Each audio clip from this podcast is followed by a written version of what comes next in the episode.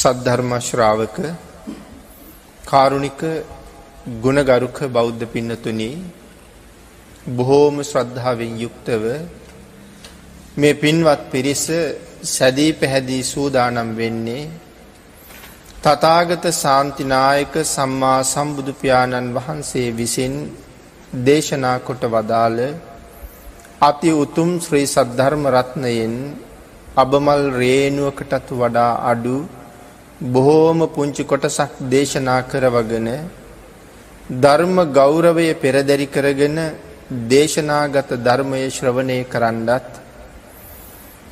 එසේ ධර්ම ශ්‍රවණය කිරීමෙන් ලැබෙන අවවාද අනුශාසනා තම තමන්ගේ ජීවිතවලට එකතු කරගෙන වඩාත් නිවැරදි ඊ타ත්ම ධර්මානුකූල වූ මෙලව ජීවිතයක් සකස් කරගන්නත් නිවැරදි වූත් ධර්මානුකූල වූත් මෙලව ජීවිතයක් තුළින් සුගතිගාමී වූ පරලොව ආයති භවයකින් සැනසීමේ පරම පවිත්‍ර චේතනාව මුදුන්පත් කරගෙනයි මේ ධර්ම දානමය පින්කම් සිදු කරගනු ලබන්නේ.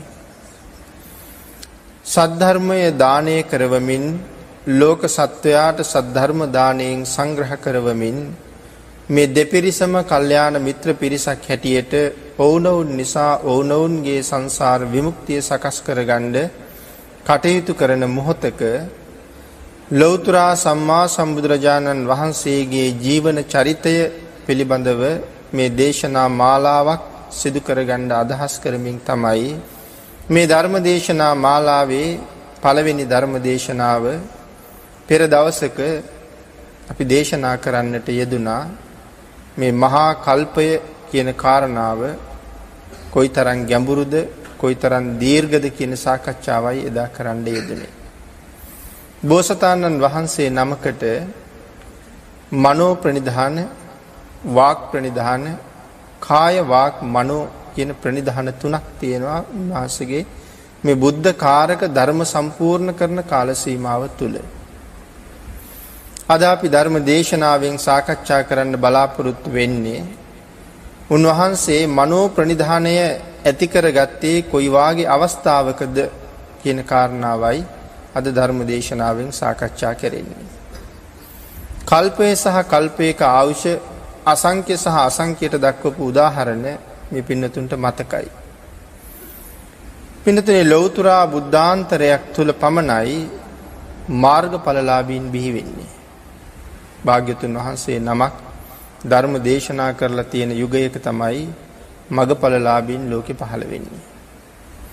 පිළිවෙලින් ලබන පළමු මාර්ගඵලය තමයි සෝවාන් ආර්ය මාර්ගඵලය.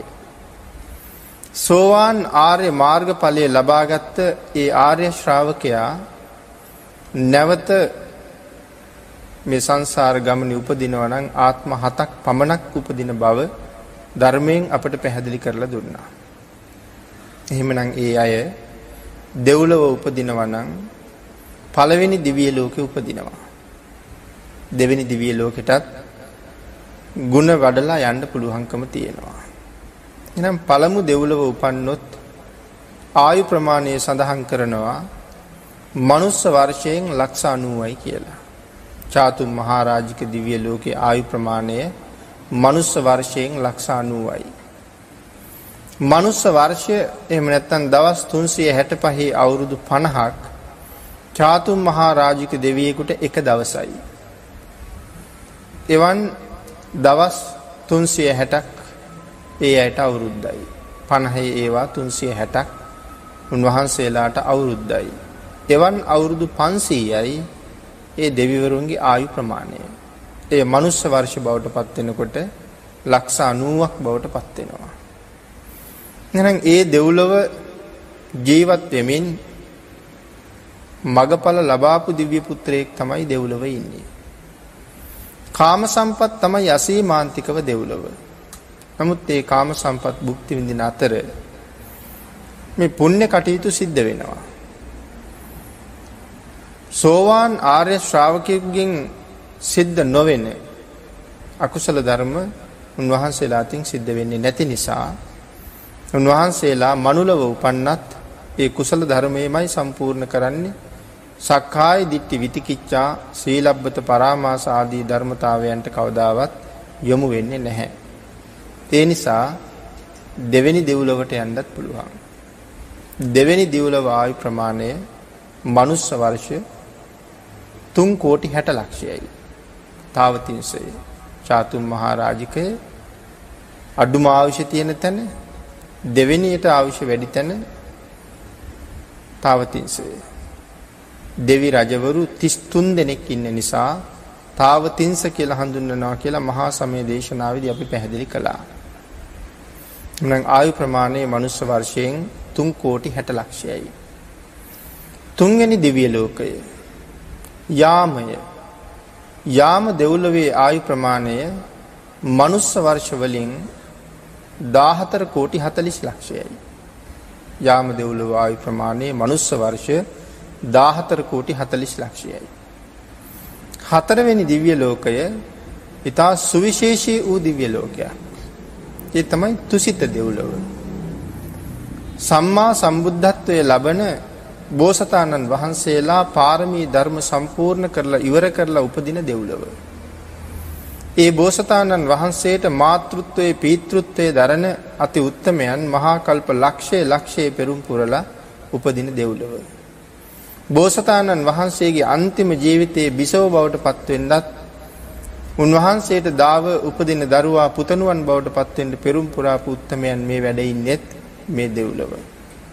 ඉතින් මේ වගේ උන්වහන්සේගේ ජීවිතයට සම්බන්ධ තව බොහෝ අය පාරමී සම්පූර්ණ කරලා මේ දෙව්ලොව තමයි ඉන්නේ.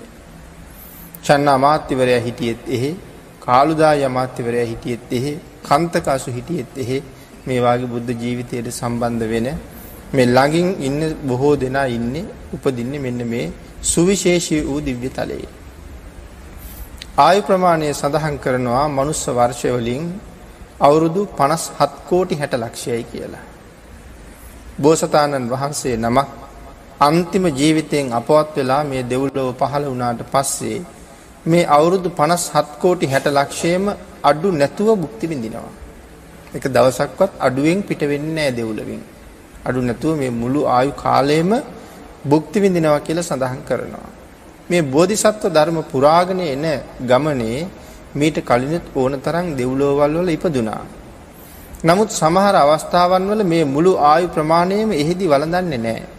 එහෙම හිටියොත් පින් කරගන්න තියෙන අවකාශ අඩුයි කියලා නැවත එයින් චුත වෙලා මනුස්ස ලෝකවල ඇවිල්ලා පින් කරගත්ත බව සඳහන් වෙනවා මේ අන්තිම ජීවිතේ නම් එහෙම නැහැ. මුළු ආයු ප්‍රමාණයෙම භුක්ති විඳිනවා.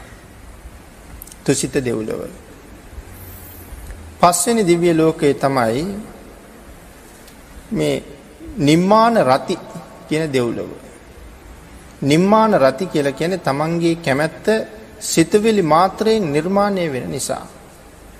නිම්මාන රති දෙවියන්ගේ ආයු ප්‍රමාණය සඳහන් කරනවා මනුස්ස වර්ෂ වලින් 230 කෝටි 40 ලක්ෂයයි කියලා. මේ සඳහන් කරන්නේ මනුස්ස වර්ෂ ප්‍රමාණයන්. අපේ අවුරුදු 800ක් ඒ දෙව්ලොවට එක දවසයි. 230 කෝටි 40 ලක්ෂයයි මනුස්ස වර්ෂයෙන් අවශ්‍ය. අවසාන දිව්‍ය ලෝකයේ පිළිබඳව සඳහන් කරනවා පරිනිම්මිත වසවර්තිය. මනුෂ්‍ය වර්ෂ 1600ක් ඒ දෙවියන්ට එක දවසයි. අපේ අවුරුදු 1600ක් එක දවසයි. භාග්‍යතුන් වහන්සේ පිරිනිවන් පාල ගෙවිලා තියෙන්නේ තවම අවුරුදු 2000 ගණනක්. එහෙමනම් අවුරුදු 1600ක් මේගොල්ලන්ට එක දවසයි නම් එක්දස් සයිසීයයි එක්දස් සයිසියයි වුණොත් තුන්දස් දෙසීයයි. එහෙමනම් මේ දෙව්ලොවට භාග්‍යතුන් වහන්සේ පිරිනිවන් පාලා තවම ගෙවිලා තියෙන එක දවසකුත් පැය ගන්නයි. ඉතින් මහා පුදුම පුණ්‍යවන්ත තෙවිවරු භාග්‍යතුන් වහන්සේ දැකලා භාග්‍යතුන් වහන්සේගෙන් බණ අහපු අය තමයි මේ දෙව්ලොව හයේම වැඩ ඉන්නේ. ආයු ප්‍රමාණය සඳහන් කරන මනුස්ස වර්ෂ වලින් 921 කෝටි 60 ලක්ෂයයි කියලා.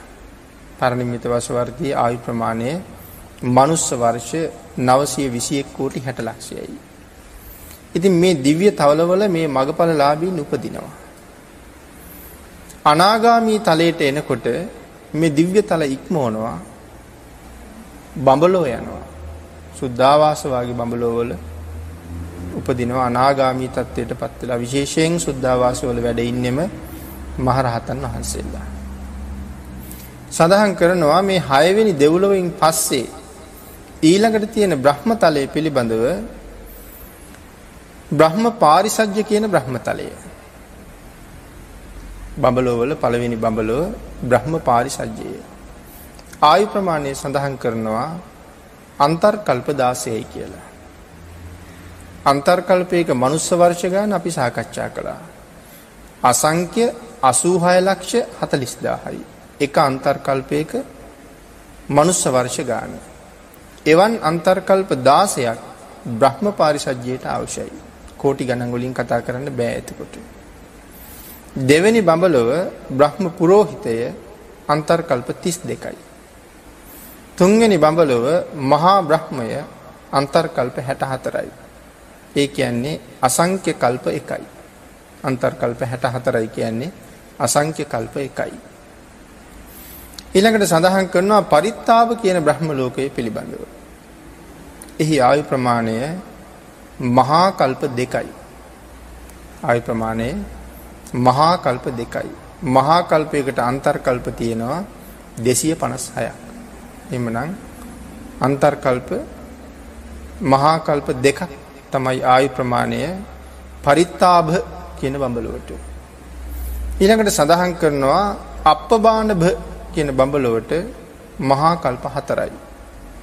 ඊළඟට සඳහන් කරනවා ආබස්සර කියන බඹලොවට මහා කල්ප 8යි. ආබස්සර බඹලොවට මහා කල්ප 8යි. පරිත්ත සුභ කියන බඹලොවට මහා කල්ප 16යි. ඊළඟට සඳහන් කරනවා අප්පමාන සුභ කියන බඹලොවට මහා කල්ප 32යි.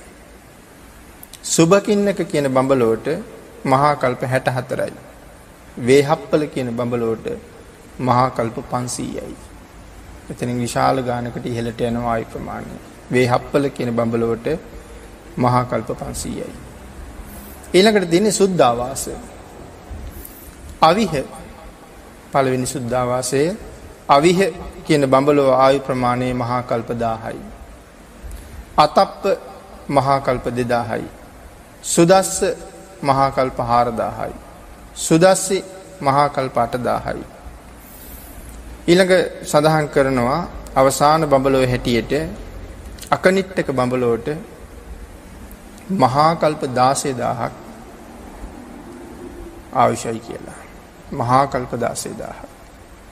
ඒ කියන්නේ ලෞතර බුදුරජාණන් වහන්සේලා එක නමක් නෙමෙයි හත් නමක් විතර දැකපු බ්‍රහ්ම රාජයෝ තාමත් මේ බ්‍රහ්ම ලෝකවල වැඩ ඉන්නවා කියන එකයි.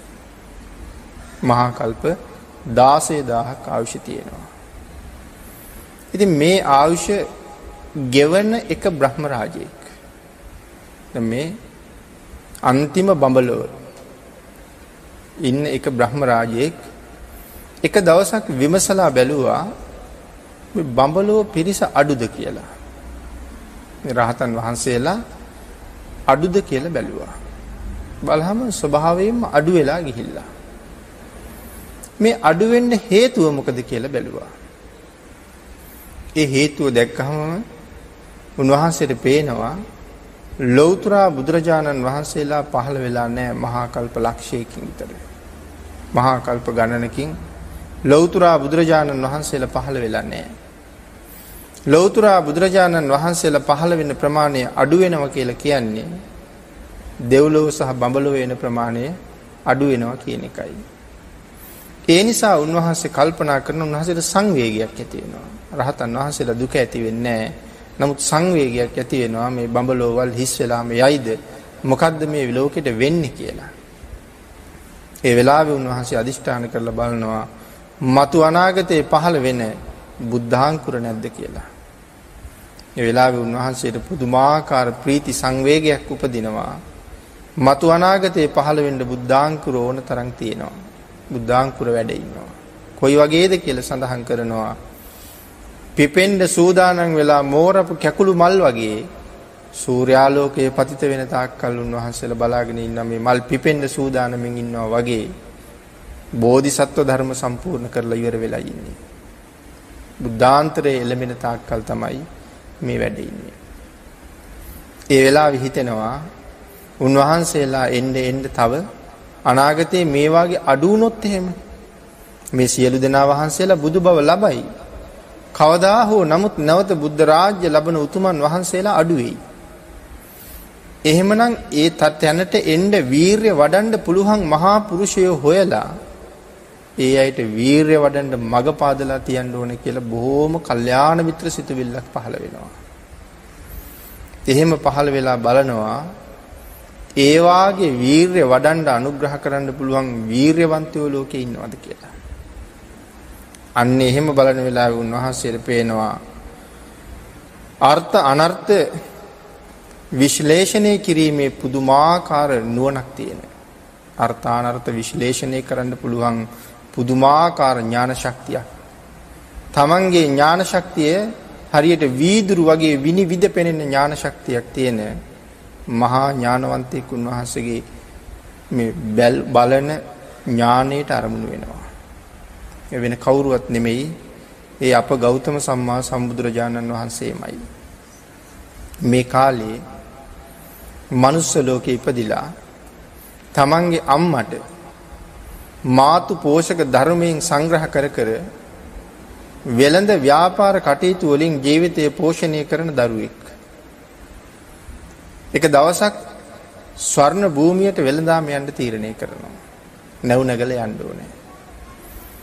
වෙළඳ කණ්ඩායමේ නායක තැනකින් අවසරයකුත් අරගෙන තමන්ට අවශ්‍ය බඩු බාහිරාදී සියල්ලමත් සම්පූර්ණ කරගෙන අම්මා දාලා යන්න බෑ අම්මා විතරයි ඉන්නේ. වෙන කවුරුවත් නැති නිසා මේ වෙළඳාම යන ගමනේදී අම්මත් අඬ ගහගෙනම යන්න ඕනේ. ඒ නිසා තම මෑණියන්ද කැටුව නැව් නගිනවා ස්වර්ණ භූමියට යන්න. ස්වර්ණ භූමියට යන්න පිටත් වෙලා දවස් 7ක් යනකොට මහ සාගරයේ මැද්දේ ඊටාම දරුණු කුණාටුවක් ඇති වෙනවා. සාගරයේ ඇති වෙන රැලි මහ ගල් කුළුණු වගේ අහසට නැගලා බිමට වැටෙනවා. මෙන්න මේ විශාල කුණාටුවට මේ සියලුම නැව් අහු වෙනවා. සියලුම නැව් මේ රැලි ඔරොත්තු දෙන්නේ නැතුව මුහුදුපත් වෙනවා. නැව්වල තිබිච්ච සියලුම ධනස්කන්ධය මුහුදුපත් වුණා. ඒ වගේම නැව්වල ගමන් කරපු සියලුම වෙලෙන්දු නායකයෝ මරණයටපත් වුණා. මේ තරුණයා තාම මැරුණේ නෑ. තාමත් අර මහා රළගෙඩි උඩ ඉහළට විසිවෙමින් හොයනවා මගේ අම්මා ඉන්නවද කියලා. ඒ වෙලාවේ දකිනවා අම්මව. අම්මා ළඟට ගිහිල්ලා අම්මගේ අතින් අල්ලගෙන කියනවා අම්මේ මගේ කරට නගින්න කියලා. පිටට නගින්න කියලා. අම්මා කියනවා පුතේ මම වලපයයි ගොඩපයයි විතරයි. මගේ පුතා ජීවිතේ හොයාගෙන ඵලයන් මම මැරිලා ගියාට කමක් නැහැ. ඒ වුණාට පුතෙකුට අම්මා දාලා එහෙම යන්න බෑ. ඒ නිසා කොහොම හරි අම්මත් කරේ තියාගෙන මේ සාගරයේ ගොඩබිම හොයාගෙන පින්නවා.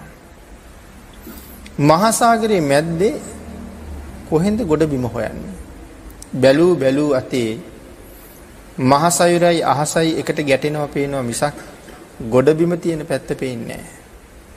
මේ වෙලාවේ ගොඩබිම හොයාගන්න පාවිච්චි කරන උපකරණ මේගොල්ලන්ගේ අතේ නෑ. දැන් කොහාට පීනමුද කියන එක තීරණය කරන්නත් බෑ. තාමත් නැගෙන රැලි මහ ගල් කුළුණු වගේ අහසට නැගිලා බිමට වැටෙනවා. ඒ රැලි උඩ ගිහිල්ලා විසි වෙලා වැටෙනවා. නමුත් අම්මා අතාරින්නේ නෑ. මේ සියලුම රැලි නැගෙන බාධකත් ජයගෙන ගොඩබිම සොයා පීනිය යුතුයි කියන උතුම් අදිෂ්ඨානයේ වීරය සම්පන්න අදිෂ්ඨානයත් අරගෙන මහා සාගරයේ ජීවත් වෙන ඊටා භයානක සත්තු ඉන්නවා. මිනිස්සු අල්ලගෙන කන මත්ස්‍ය වර්ග ඉන්නවා. මේ සියලු දෙනාගෙන් බේරෙමින් තමයි මේ ගමන යන්න ඕනේ. එහෙම යන්න තීරණය කරගෙන වීරිය අරගෙන අම්මා කරේ තියාගෙන පීනන්න පටන් ගන්නවා. මේ වෙලාවේ අර මහා බ්‍රහ්ම රාජයා දකිනවා මෙන්න මේ පීනීමට වීරිය වඩනවා නම් මේ පුරුෂයා මේ වාගේ පුරුෂයන්ට තමයි ලෞතුරා බුද්ධ රාජ්‍ය මුදුන්පත් කරගන්න පුළුවන් වෙන්නේ. ඒ නිසා මෙයාට ලෞතුරා බුදු වෙන්න මෙයාගේ හිත ඇතුලේ චෛතසිකයක් මතු කරන්න ඕනේ. එහෙම හිතලා මේ බ්‍රහ්ම රාජයා හිතට සිතවිල්ලක් දෙනවා ලෞතුරා බුද්ධත්වයේ පිළිබඳව. ඒ සිතවිලි මාත්‍රයෙන් මේ බුද්ධ කියන කාරණාව හිතට එනවා. ඒ කාරණාව හිතට ආපු නිසා කල්පනා කරනවා මම ලෞතුරා බුද්ධ රාජ්‍ය අත්පත් කරගන්නවා කවදා හරි. ඒ සිතුවිල්ලටම මෙයාට අප්‍රමාණ ශක්තියක් ලැබෙනවා. මම කවදා හරි දවසක ලෞතුරා බුද්ධ රාජ්‍ය ලබනවා. මේ පුණ්‍යවන්ත චේතනාව නිසාම මහා ශක්තියක් ලැබෙනවා. මේ ශක්තියෙන්මත් අර බ්‍රහ්ම රාජයාගේ ආශිර්වාදයත් එක්ක බොහොම වේගෙන් ගොඩබිම හොයාගෙන ගමන් කරනවා. ගොඩබිම හොයාගෙන ගිහිල්ලා නැවත අම්මට අප උපස්ථාන කරමින් ජීවත් වෙලා මරණයට පත් වෙලා ගිහිල්ලා දෙව්ලොව උපදිනවා. දෙව්ලොව දිව්‍ය සැප සම්පත් භුක්ති විඳමින් ඉඳලා මනුස්ස ලෝකේ නැවත වතාවක් උපදිනවා බ්‍රහ්මදත්ත කියන රජුරුවන්ගේ පුතා හැටියට. බඹදත්ත රජුගේ පුත්‍රයා හැටියට මනුලව උපන්නා. නමුත් බුද්ධාංකුරයක් බුදු වෙන සිතුවිල්ලක් හිතේ තියෙන නිසා පියාණන්ගේ ඇවෑමෙන් රාජ්‍යයට රාජ්‍යත්වයට පත් වෙනවා. අනික් රජවරු අභිෂේක ලැබලා රාජ්‍යත්වයට පත් වෙනවා වගේ නෙමෙයි පුදුමාකාර තේජාන්විත ස්වභාවයක් තියෙන්නේ. ඒ තේජාන්විත ස්වභාවය නිසාම වටපිටාවේ රාජ්‍යවල ඉන්න අනික් සියලුම රජවරු නිකම්ම මේ රජුරවන්ට යටත් වෙනවා. හැමෝම පුදුමාකාර විදිහට රජුරුව සතුටු කරන්න පුද පඳුරු වලින් මේ රජුරවන්ට පූජා පවත්වනවා. එහෙම කටයුතු කරමින් එහෙම කටයුතු ලබමින් එහෙම උපකාර පරිත්‍යාග ලබමින් දෙව්ලොව දෙවි රජෙක් කොයි තරම් සුර සැප වින්දද ඒ සැපට සමානව මනුලව මේ රජුන් නර සැප වින්ද කියලා සඳහන් කරනවා. එහෙම සැප වින්දනය කරමින් ඉඳලා මේ කාල සීමාවේ හරි ආසයි මේ ඇත්තු එකතු කරන්න. අහවල් ඇතෙක් වනේ ඉන්නවා කියලා දැනගත්තොත් ඒ ඇතා ගිහිල්ලා අරගෙන එන්න හරි කැමතියි. මේ ඇතුන් ක්‍රීඩා කරනවා බලන්නත් හරි කැමතියි. ඉතින් ඇත්තු එකතු කරමින් ඇත්තු ක්‍රීඩා කරවමින් ඒ ක්‍රීඩා බලමින් සතුටු වෙමින් කටයුතු කරන දවසක වැඩි පුද්ගලයෙක් ඇවිල්ලා කියනවා ස්වාමීනි වනාන්තරයේ ඉන්නවා පුදුමාකාර තේජාන්විත ඇතෙක්. පුදුමාකාර ලස්සනක් තියෙන්නේ. පුදුම දල දෙකක් තියෙන්නේ. පුදුම පෙනුමක් තියෙන්නේ. ඊටාම තරුණයි මේ හස්ති රාජයා ඔබ වහන්සේට නම් ඊටාම අගී. මේ කාරණාව කීවට පස්සේ තමන්ගේ පිරිසත් අඬගහගෙන වැඩි පුජ්‍යලයාට අප්‍රමාණ තෑගි භෝග වලින් සංග්‍රහ කරලා ඔහුත් පෙරටු කරගෙන මේ අත්රාජයා ඉන්න වනාන්තරයට පිටත් වෙලා යනවා. ගිහිල්ලා මේ ඇත්රජු දැකලා ඇත්රජු අල්ලගෙන අරන් එනවා. අරගෙන ඇවිල්ලා ඇතුන් හීලෑ කරන මිනිස්සයාට මේ ඇත්රජු බාර දීලා කියනවා මේ තරුණ ඇතා මට දවස් 7කින් හීලෑ කරලා දෙන්න ඕනේ. මට ගමනක් යන්න තියෙනවා දවස් 7කින්.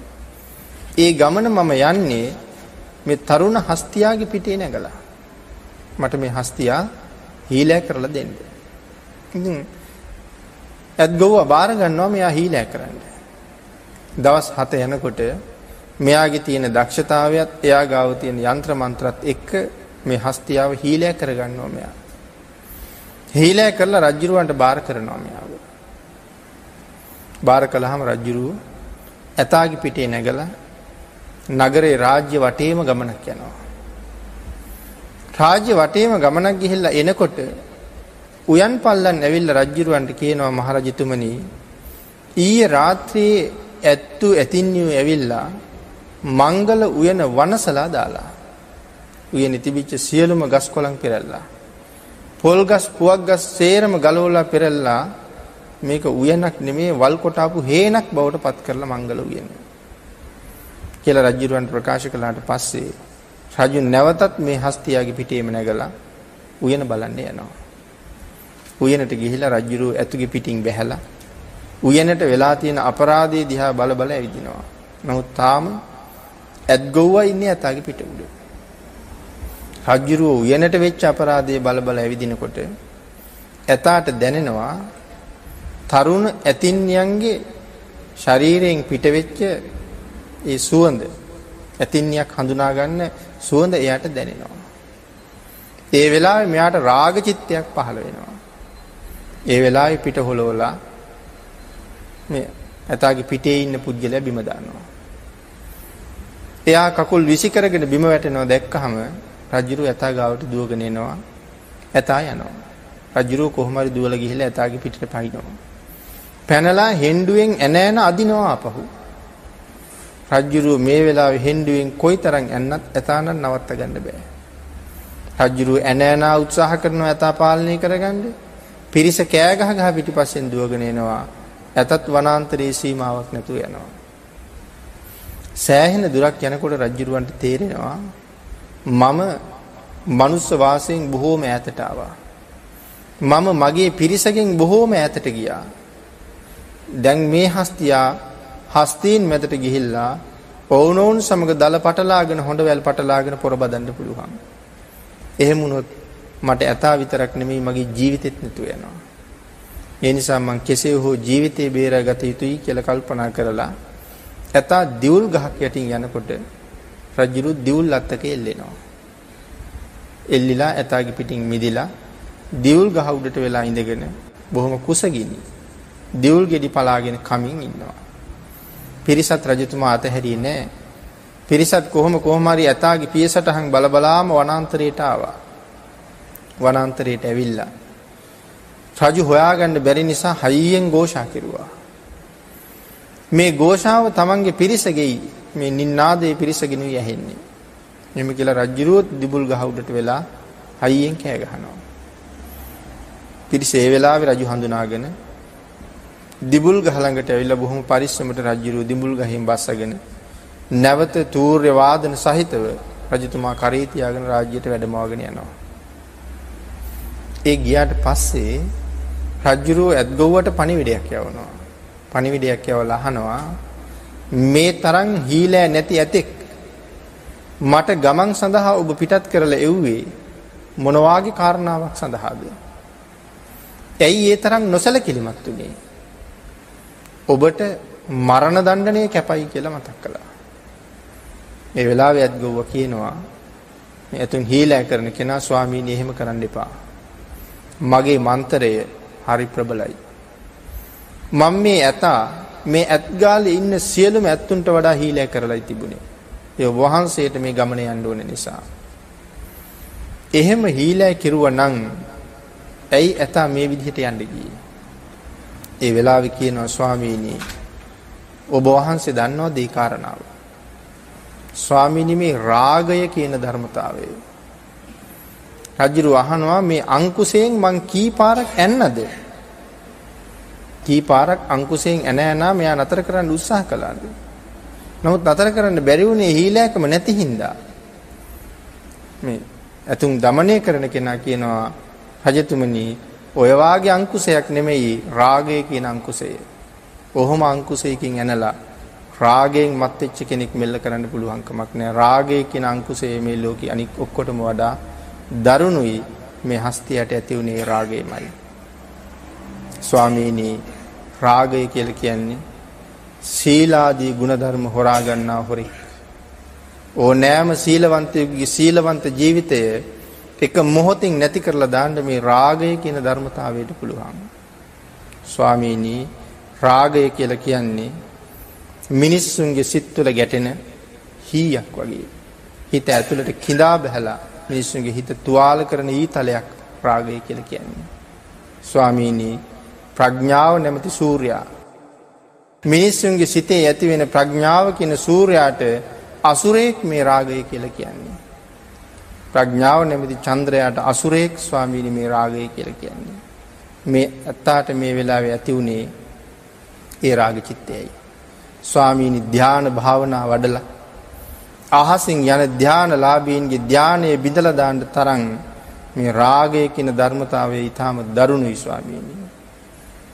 සීලාදී ගුණධර්ම දියුණු කරලා ධාන භාවනා වඩාපු අයගේ ධානයේ බිඳින්න දරුණුයි නම් මේ රාගය මේ තිරසං සතාගේ හිත පැහැර ගන්නවා කියන එක මේ රාගයට ඒ තරම් දෙයක් නෙවෙයි ස්වාමීනි මේ මෙයා රාගයට යට වුණා. මෙයා වනාන්තරයට ගියේ ඇතින්නම් හොයාගෙන එයාගේ උවමනාව සම්පූර්ණ කරගත්තාම මෙයා නැවත ඇත්ගාලට එනවා ස්වාමීනි. තව දවස් 6 7ක් යනකොට මෙයා ආපහු ඇත්ගාලට එනවා. රජුරු කියනවා එහෙනම් උඹ හත් අට දවසකට ජීවිතය ලැබුවා කියලා හිතාගනින්න. මෙයා ආවේ නැත්තම් ඔබේ ජීවිතේ අවසానයි කියලා කල්පනා කරන්න. දැන් හෙට උදේට 7 වෙනි දවසේ ඇත්ගොව නිදා ගන්නවා නමුත් එයාට පූර්ණ විශ්වාසයක් තියෙනවා හෙට එළි වෙන්න කලින් ඇතා එනවා. එයාගේ මන්තරේ යාට ඊට වඩා විශ්වාසයි. නිදාගෙන පාන්දර අවදි වෙනවා. ඇතු ආවද නැද්ද දන්නේ නැහැ. අලියම් කාලේ අවදි වෙලා ගාලට ගිහිල්ලා බලනකොට මහ විශාල පර්වතයක් වගේ හිටගෙන ඉන්නවා මේ තරුණ හස්තියා. එයාට හරි සතුටුයි. ඇතා ඇවිල්ලා. රජුරවන්ට පාන්දරම ගිහිල්ලා කියනවා මහරජය හස්ති රාජය ඇවිල්ලා. රජුරවන්ට අප්‍රමාණ සතුටුයි. සියලුම කටයුතු පසෙක දාලා ආසනෙ නැගිටලා දුවගෙන යන ඇත්ගාලට. ඒ තරම් මේ ඇතාට රජුරු ආදරෙයි. දුවගෙන ගිහිල්ලා බලහම හස්තියා ඉන්නවා. ඒ වෙලාවේ රජුරු කියනවා දැන් ඔබ කීවා ඔබේ මන්තරය බොහොම ඉහළයි කියලා. ඔබ කීවා මෙයා ඊටාම කීකරුයි කියලා. මට ඒක දක්වලා පෙන්නපන් කියලා කිව්වා. ඒ වෙලාවේ මෙයා සියලු පිරිසට දක්වලා විශාල යකඩයක් ගිනි අඟුරු ගොඩේ දානවා. මේ යකඩේ දැන් රත් වෙලා රත් වෙලා රතු පාට වෙලා සඳහන් කරනවා යකඩේ දිහා බලන කෙනෙකුගේ ඇස් මේ යකඩේට යොමු කරන්න බැරි තරම් යකඩේ රත් වෙලා ගිනියම් වෙලයි තියෙන්නේ. ඒ වෙලාවේ මේ පුද්ගලයා යකඩ අඬුවකින් මේ යකඩේ අරගෙන හස්ති රාජයා දිහාට දිගු කරලා කියනවා මම බිම දාපන් කියනකම් මේක බිම දාන්න එපා. කියලා දිගු කරනවා හස්තියා මේ හොඳ පටලලා මේ යකඩේ අල්ල ගන්නවා. රජුරවන්ට දුක හිතෙනවා. රජුරු කෑ ගහනවා ඇතා මැරෙයිද දන්නේ හොඳ පිච්චිලා. මේක බිම දාන්න කියාපන් ආචාර්යනි බිම දාන්න කියාපන් කියලා කෑ ගැහුවා. ඒ වෙලාවේ ආචාර්යවරයා කියනවා එහෙනම් දැන් ඕක බිම දාපන්. ඒ වෙලාවේ යකඩ බිම දානවා. මේ මොහොතේ රජුරු කල්පනා කරනවා මොකද්ද මේ වුනේ? ඇයි මේ තරම් දුකක්? ඇයි මේ තරම් වේදනාවක්? හොඳ පිච්චෙනවා, කිරි කිරි ගාලා පිච්චෙනවා. මේ වේදනාව ඇයි? මේ තමයි රාගයේ වේදනාව. මේ තමයි රාගයේ ගින්න. මේ තමයි රාග උලේ ස්වභාවය. එහෙනම් අහෝ මේ රාගය මිනිසුන් සංසාරේ කොයිතරම් අතරමං කළාද? සංසාරික ජීවිතේ මොනතරම් දුකට භාජනය කළාද මේ රාගය? නරක තිරිසං പ്രേත අසුර කියන සතර අපාය උපද්දවන්නේ මේ රාගයට මොන තරම් හැකියාවක් තියනවද? අහෝ රාග ගින්නෙන් දැවෙන, රාග ගින්නෙන් වෙලෙන, රාග ගින්නෙන් පීඩාවටපත් වෙන ලෝක සත්වයා මේ සංසාර රාග ගින්නෙන් නිදහස් කරන්න මම කරනවා නම් යමක් මං කුමක් කළ යුතුද කියලා කල්පනා කළා. එහෙම කල්පනා කරන වෙලාවේ රජුරවන්ට හිතෙනවා සකල ලෝක සත්වයාම මේ රාගයෙන් බේරගන්න. කාම රාගයෙන් බේරගන්න නම් ලෞතුරා බුද්ධ රාජ්‍ය මං අත්පත් කරගත යුතුයමයි කියලා තීරණය කරනවා. එදා තමයි ඉස්සරලාම මනෝ ප්‍රනිධානය. මම ලෞතුරා සම්මා සම්බුද්ධ රාජ්‍ය ලබනවා කියලා ස්ථීරවම හිතින් ප්‍රාර්ථනා කරලා මනෝ ප්‍රනිධානයට මුල් පුරාපු දවස තමයි රාගය පදනම් කරගෙන තමයි උන්වහන්සේ තෙන්ට එන්නේ.